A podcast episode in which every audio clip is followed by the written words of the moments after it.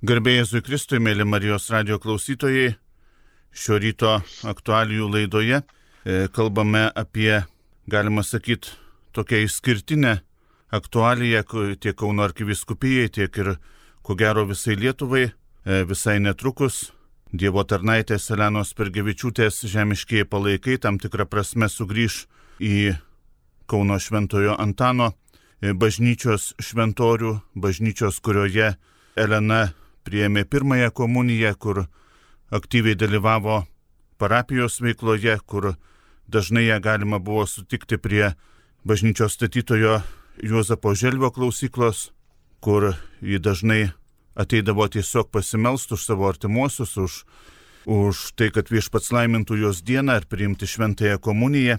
Taigi ir šiandien ir pasikalbėsime apie Dievo tarnaitę Eleną Spergevičiūtę.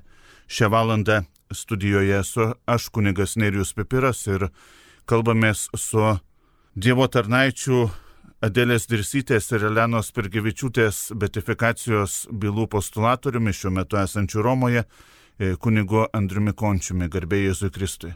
Garbėjai jam per amžius. E, tad, mėlyjeji, gera, gera kartu šį laiką turėti, e, kurią turime mes vat, su kunigu Nerijumi. Jisai kaip yra vicepostulatorius Kauno arkiviskupijoje, tai vienos komandos nariai betifikacijos bylose ir Elenos Pirgevičiūtės ir Adelės Dirsytės, dviejų mūsų Dievo tarnaičių kankinių, kurias Kauno arkiviskupijoje atpažįstame Dievo, dievo ženklus, kad, kad šios asmenybės yra mums, mums svarbios ir jas, jas na, viešpaties valia norime priimti į, į šventųjų ir išrinktųjų gretas. Žinoma, galutinį sprendimą dėl, šio šventųjų skelbimo priima Vatikanas, popiežius po viso tyrimo. Tai dabar esame pakeliui, pakeliui šitame procese. Ir, ir taip, kaip Nerijus minėjo, jau tuoj pat bus oficialus bažnyčios perkelimas palaikų iš eigulių kapinių, kur Elena jau buvo perlaidota iš dabartinio, žinoma, ramybės parko Kaune, kada buvo visos kapinės perkeliamos, tarsi jau buvo pajudėjusi iš savo vietos tų palaikų polisio. Ir šiuo metu tas perkelimas į šventorių, jis nėra, na, nei kultas, nei dar kažkas, bet tai yra toks, na, teisingumo, teisingumo sugrįžimo jos jo žemiškųjų palaikų ženklas. Ir kartu tai yra ir artimųjų, brolio, sesės e, tokiu sutikimu ir, ir mielų norų, kad, e, kad jie sugrįžtų arti e, savo, jos palaikai tos vietos, kur, kur jinai netoliese buvo anksčiau palaidota. Ir taip pat tai toks praktinis turbūt ženklas, kad jeigu viltyje, kad viltyje, kurią turime, kad galiausiai popiežius ir kardinolai patvirtins Elenos e, šventumą ir jos kankinystę, kad būtų tiesiog patogiau ir paprasčiau e, palaikais pasirūpinti jų, jų įstatymui, e, na, gerbimui. Galbūt mes ir atsakėme į klausimą, kam reikia perkelti tuos palaikus. Kartais ypatingai šio laikinis žmogus, jisai masto, kad miręs žmogus tegu ilsisi, kam dar du kartus judinti, judinti kapą, perkelti e, iš vienos vietos į kitą. Man atrodo, Elena tarsi sugrįžta arčiau savo parapijos, savo žmonių, e, savo, savo gimtųjų vietų ir kartu perkelimas galbūt e, gali pasitarnauti ir vat, kiekvienam iš mūsų, kad mes, mes jaustumėm, kad Dievo tarnas yra arti, kad mes galėtumėm pasinaudoti jo užtarimu. Tai galbūt dar viena to perkelimo prasme, kad, kad mes matytumėm e, iš tikrųjų, neieškotumėm kur nors kapinėse to kapo, nes ne visi gali, gali žinoti, kurioje vietoje, bet e, čia akivaizdžiai tam tikrą prasme šventoriuje, kur Taip. žmonės gali praeiti, ar galbūt yra kažkokių tai kitų dar sumetimų.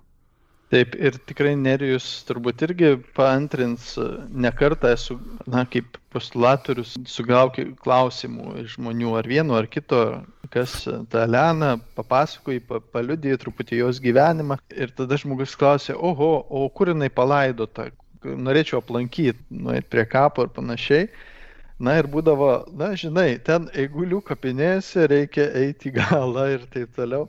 Niekaip nebuvo kaip, na, paaiškiai žmogus lengvai surasti. Tai dabar bus tiesiog paprastesnis toks būdas žmogui, kuris, na, nori pagerbti arba, arba pasimelsti Dievui dėl to žmogaus betifikacijos ar, ar aplankyti. Tai tiesiog bus arti prie bažnyčios ir, ir, ir ta vieta, kur, kur parapijoje įrengta palaidojimo vieta jau, jau buvo ta atminimo lenta, jai kaip skautiai, kankiniai su įrašu geriau mirti, nebenusidėti, tas šūkis, kurį šventas Kazimieras e, savo gyvenimą turėjo ir, ir kuriuo sekė Elena.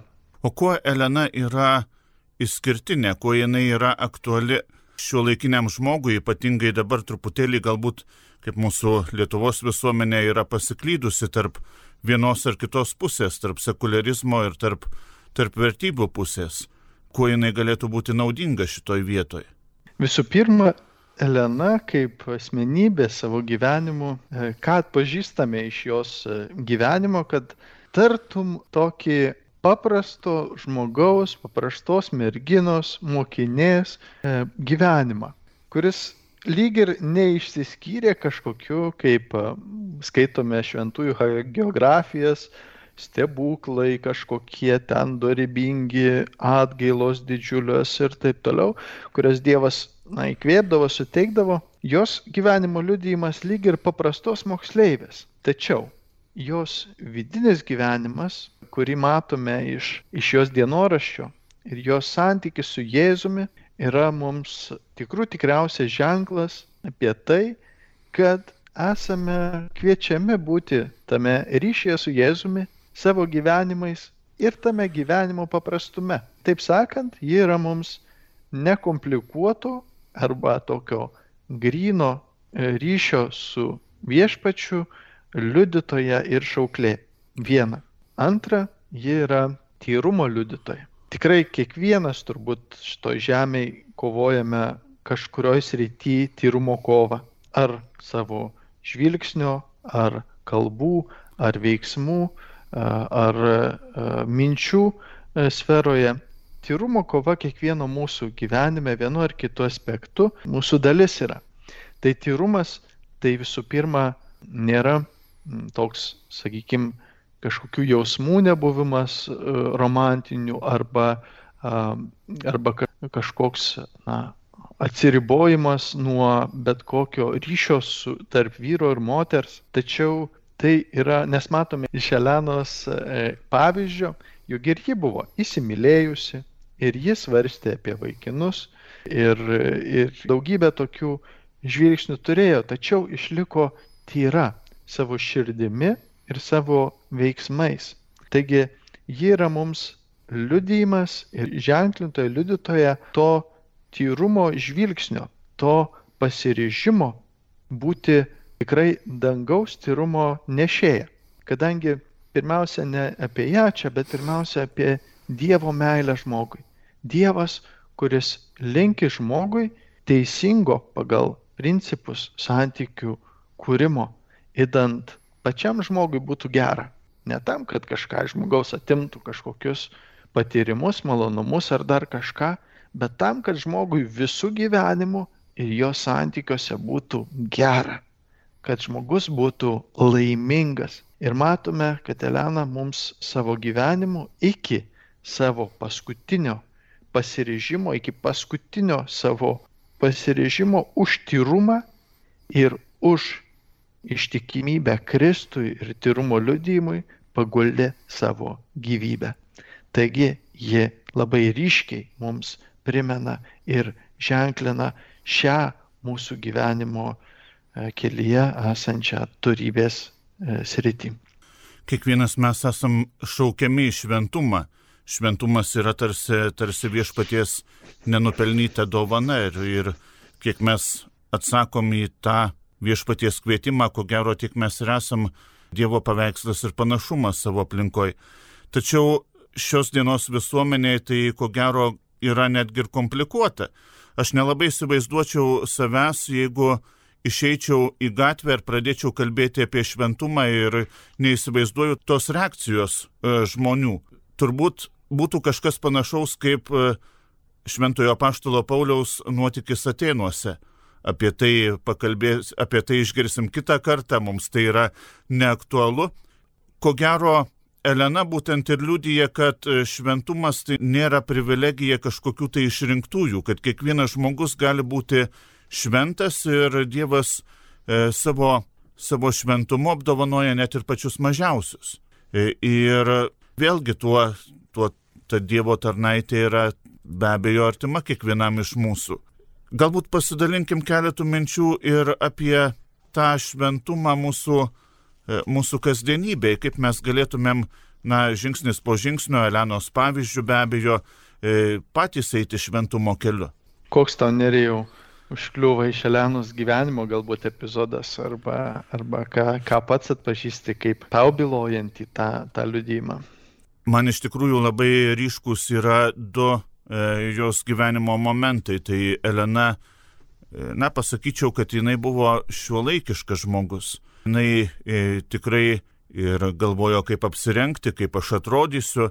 E, ji dalyvavo ir šventėse, ji ir šoko, ir linksminosi, ir ta, ta prasme, man tai buvo atradimas, kad šventieji gali juoktis kad šventieji gali šokti, kad e, šventieji, tie pašaukti žmonės į šventumą, gali būti lygiai tokie pat kaip ir mes, būti, būti būtent mūsų visuomenėje, kuri e, išgyvena įvairias krizes ir įvairius klausimus.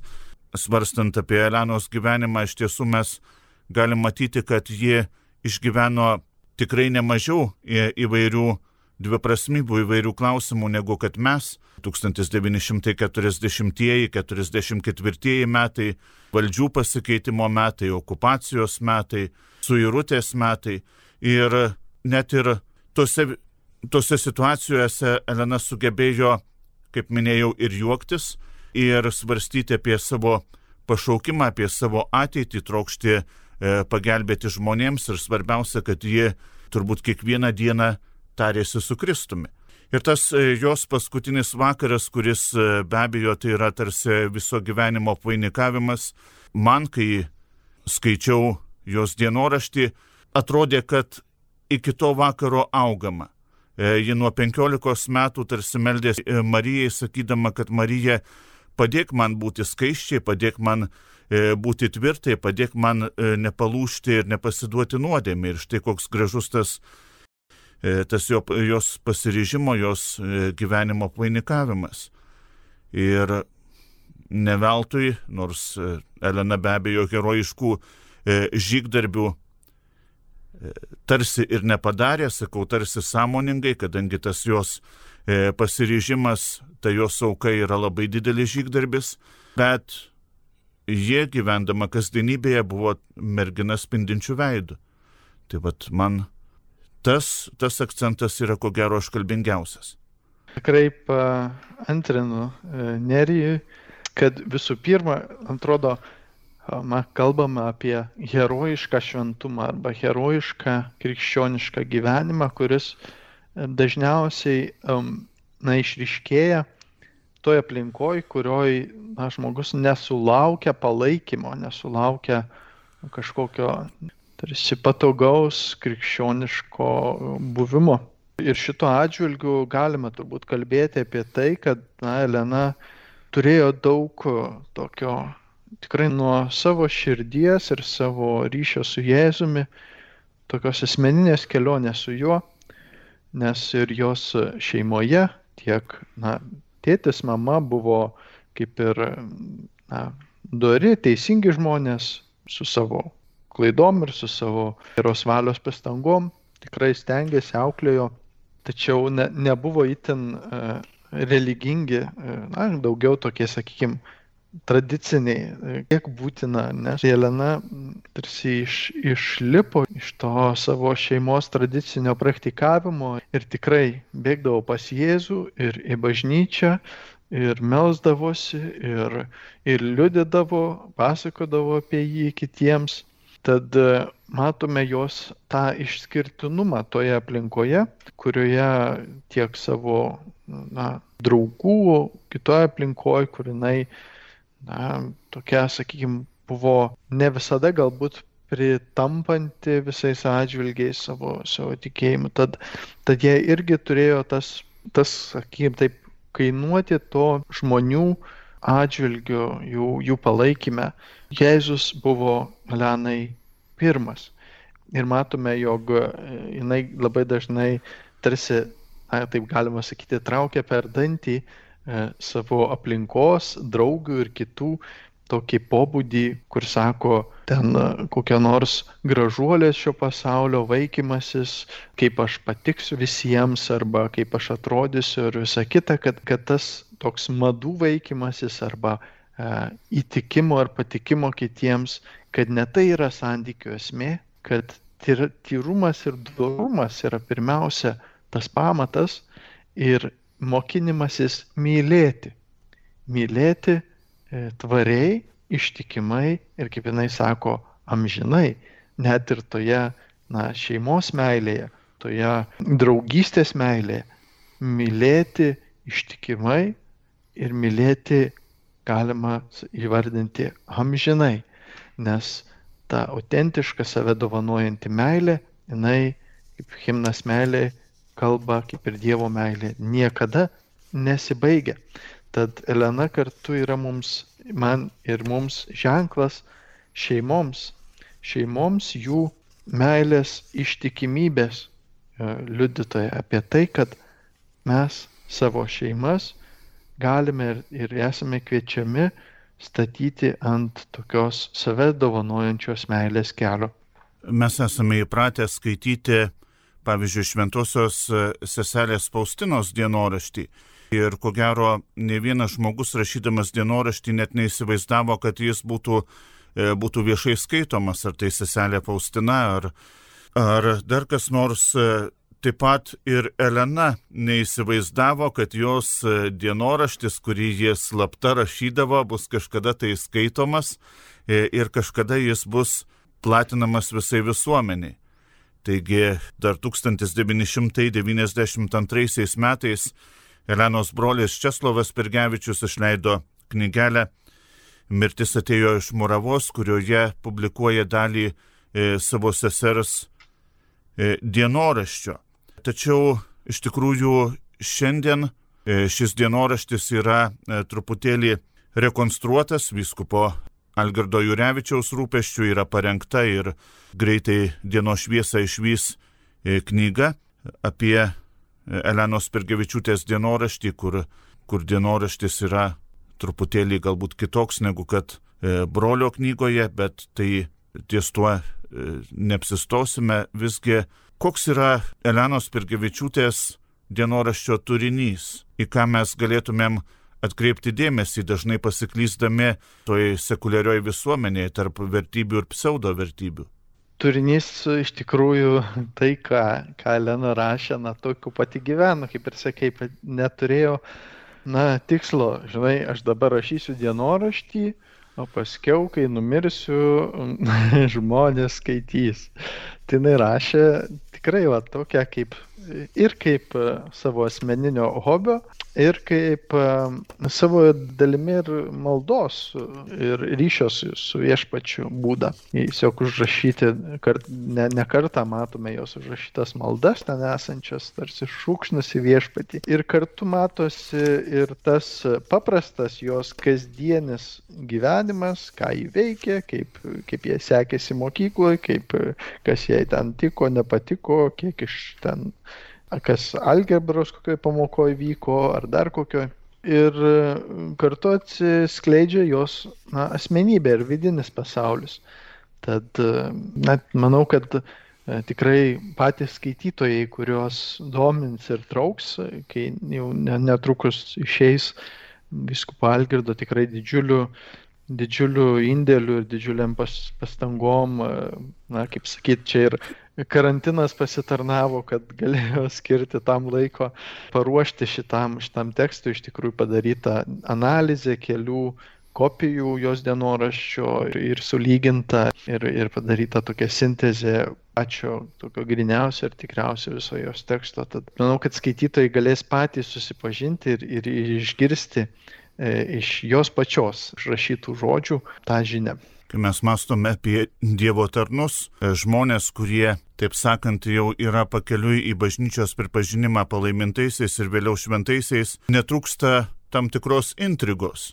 Ir kalbėdami apie Eleną Spirgevičiūtę mes tą intrigą sutinkam turbūt būtent e, dienoraštyje. Reikėtų pažymėti, prisiminti, kad dienoraščio originalo šiuo metu nėra, bet dienoraščio mintys klando tarp mūsų, jos yra mums, mums yra aktualios. Taigi turbūt e, net ir nereikia didesnio e, stebuklo, kai iš tiesų mintys tarsi pakyla nuo popieriaus lapo ir, ir sklando perduodamos e, iš kartos į kartą. Dar apie tuos stebuklus truputėlį vieną kitą žodį. E, jo, tai originalo dienoraščio tikrai, tikrai jo esame, na, jis yra e, iškeliavęs, jeigu man toks tikrai ne, ne, stebuklas, bet sovietinis, sovietinis palikimas, nes jis buvo paimtas iš, iš jos artimųjų ir negražintas e, sovietinės valdžios ir, ir arba yra kažkur, kažkuriuose archyvuose, tikriausiai ne Lietuvoje, arba yra tiesiog likviduotas kaip ne, nereikalingas arba netgi ne, neįtinkantis sovietiniam režimui, reiškia, nes režimui, kuris iš esmės buvo ateistinis, ar ne, tai Tai tas dienoraštis, kuris liudyja apie Dievą ir apie, apie meilę tiek tėviniai, tiek artimui, tiek Dievui ir bažnyčiai, na, jis ne, nebuvo patogus. Tad, tad dabar jeigu stebuklo klaustume, tai, tai ir melstume, tai būtų, kad atsirastų tas dienoraštis originalas, nes šiuo metu turime eilę nuorašų E, kurie buvo atspausdinti kai kurių e, kunigų ir kitų tam darbui atsidėjusių žmonių, kurie matė, tikrai atpažino svarbą šio, šio teksto išsaugojimo. Ir vis tik tai yra kaip ir autentiški dokumentai, na, nuorašai, bet ne, bet būtų labai tikrai uh, gera rasti ir atrasti e, tą patį, patį originalą, jos pačios ranka rašytą. Ir, ir tam galime irgi pakviesti ir paprašyti visų tikrai maldos, nes Dievui nėra negalimų dalykų. Ir jeigu tas dienoraštis tikrai yra nesunaikintas, išlikęs, galbūt kažkur jis imtų ir staiga atsirastų Gal keli štrichai apie kelionės tokius to dienoraščio nerijau. Iš tikrųjų, e, dienoraščio pati istorija e, verta detektyvo ir labai trumpai galima paminėti, kad dar 1947-aisiais, kai kas rašo, kad 48-aisiais prie Elenos Pergevičiūtės kapo, kur Elena buvo dar palaidota ramybės parke, susitiko visiškai atsitiktinai kunigas Pranas Račiūnas ir Elenos mama, taip pat Elena Spirgevičiane. Ir mama papasakojo apie savo dukterį, kunigas susidomėjo jos rašytų dienoraščių ir paprašė tą dienoraštį parodyti, kad jis galėtų paskaityti. Pamatęs, kad šiame dienoraštyje yra tikrai svarbios mintys, e, jis nusprendžia tą dienoraštį padauginti ir taip pradeda plisti dienoraščio kopijos. Tačiau 1949 metais kunigas Pranas Račiūnas yra suimamas ir taip, nors jis dienoraščio originalą yra gražinės motinai, tačiau prasitarė, kad daugino dienoraštį ir tuo susidomi atitinkamos tarnybos, susidomi saugumas, e, atliekama e, krata Spirgevičių namuose, paimamas dienoraščio originalas ir e, nors tuometinis tyrėjas Akuratovas lik ir pažymi, kad dienoraščio originalas bus gražintas šeimininkams, tačiau visgi jo po šiai dienai nėra. Tačiau e, originalo kopijos e, plinta, plinta pirmiausia per, per tikinčiuosius, per, per kunigus ir tai, kaip minėjau, 1992 metais e, brolis Česlovas Pergevičius išleidžia dienoraščio turėtą dalį ne visą dienoraštį e, savo knygoje Mirtis atėjo iš Muravos. Tiesa, šio, tiek šioje knygoje, tiek ir kitose e, kopijose, kaip e, kunigas Pranas Račiūnas yra sakęs, yra pakeisti kai kurie vardai, yra kai kurios neaktualios mintys, truputėlį galbūt ir ištrintos, galbūt ir, ir, ir pakeistos, bet tai nekeičia paties dienoraščio esmės.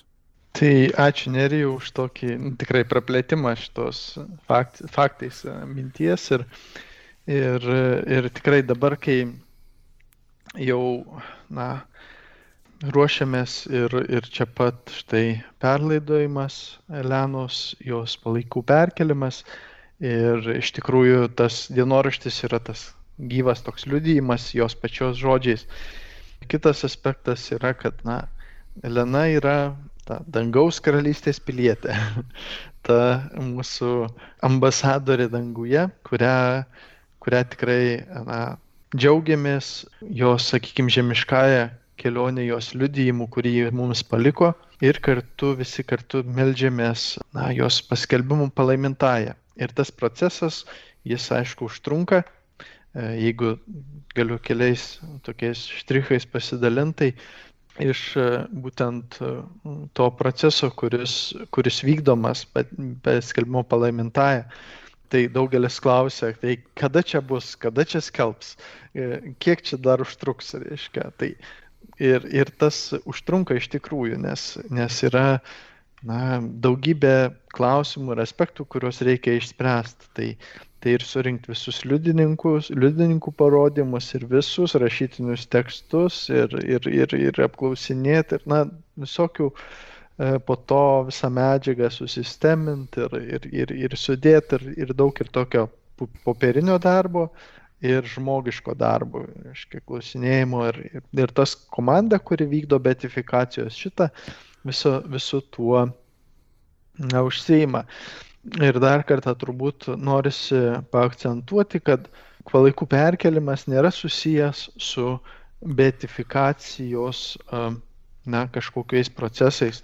Tai yra tiesiog, na, sakykim, tai praktinis ir, ir na, mūsų bendruomeniai matomas poreikis tokiam mūsų, mūsų tarpe esantis. Ir, ir kartu tai yra proga mums pažvelgti į Elenos gyvenimą iš naujo.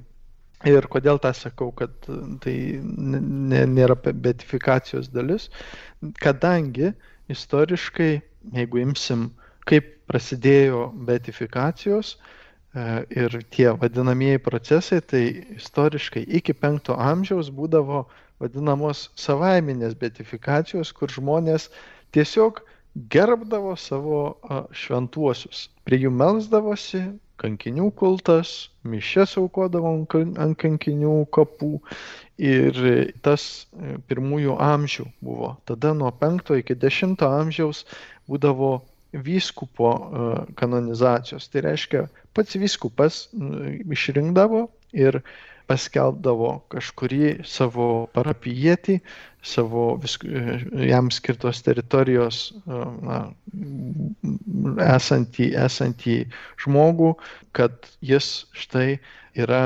gerbiamas kaip mūsų tarpe, kaip, kaip šventumo liudytojas. Ir tas, kada viskupas išrinkdavo kažkurį žmogų ir atpažindavo tokią Dievo, Dievo planeto, to žmogaus šventumą, darybės ar kankinystę, ir jį perkeldavo jo palaikus iš jo palaidojimo vietos į bažnyčią, į šventorių. Ir tas perkelimas, perkelimo palaikų ženklas iš na, kapinių arba palaidojimo vietos į bažnyčią, į šventovę būdavo laikomas kanonizacija. Taigi tai iki 10-11 amžiaus iš tikrųjų.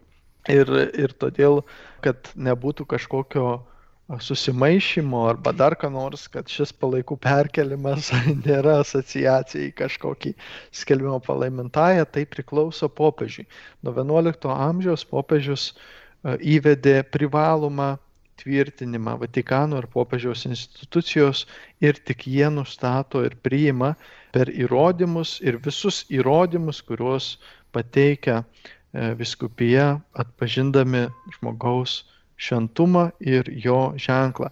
Ir kodėl tai buvo reikalinga, nes atsirado nu, tais 10-11 amžiuje nemažai piktnaudžiavimų, kada koks nors karalius, kurios uh, turi gerus ryšius su vyskupu, savo mirusį sūnų, kur nors, e, na, konkrečiai ten Švedijoje buvo atvejis, kada karalius uh, savo mirusį sūnų, e, kuris e, baliukį pokylį užgėrė, susipyko su kažkuriais giminaičiais, ten pavydai konkurencijos tarp jų ir jį nužudė. Na ir kankinystės byla ir viskas sukūrė legendas apie tai, kad žmogus nužudytas besimeldžiantis mišiuose ir taip toliau. Ir popiežius išgirdęs apie tokią na, manipulaciją, tą šventumo tiesos liudijimu ir tada išleido dekretą nuo šiol tik su mano leidimu ir mano tvirtinimu žmogus pripažįstamas šventuoju. Paskui buvo dar palaimintojų tarpinė stotelė įvesta.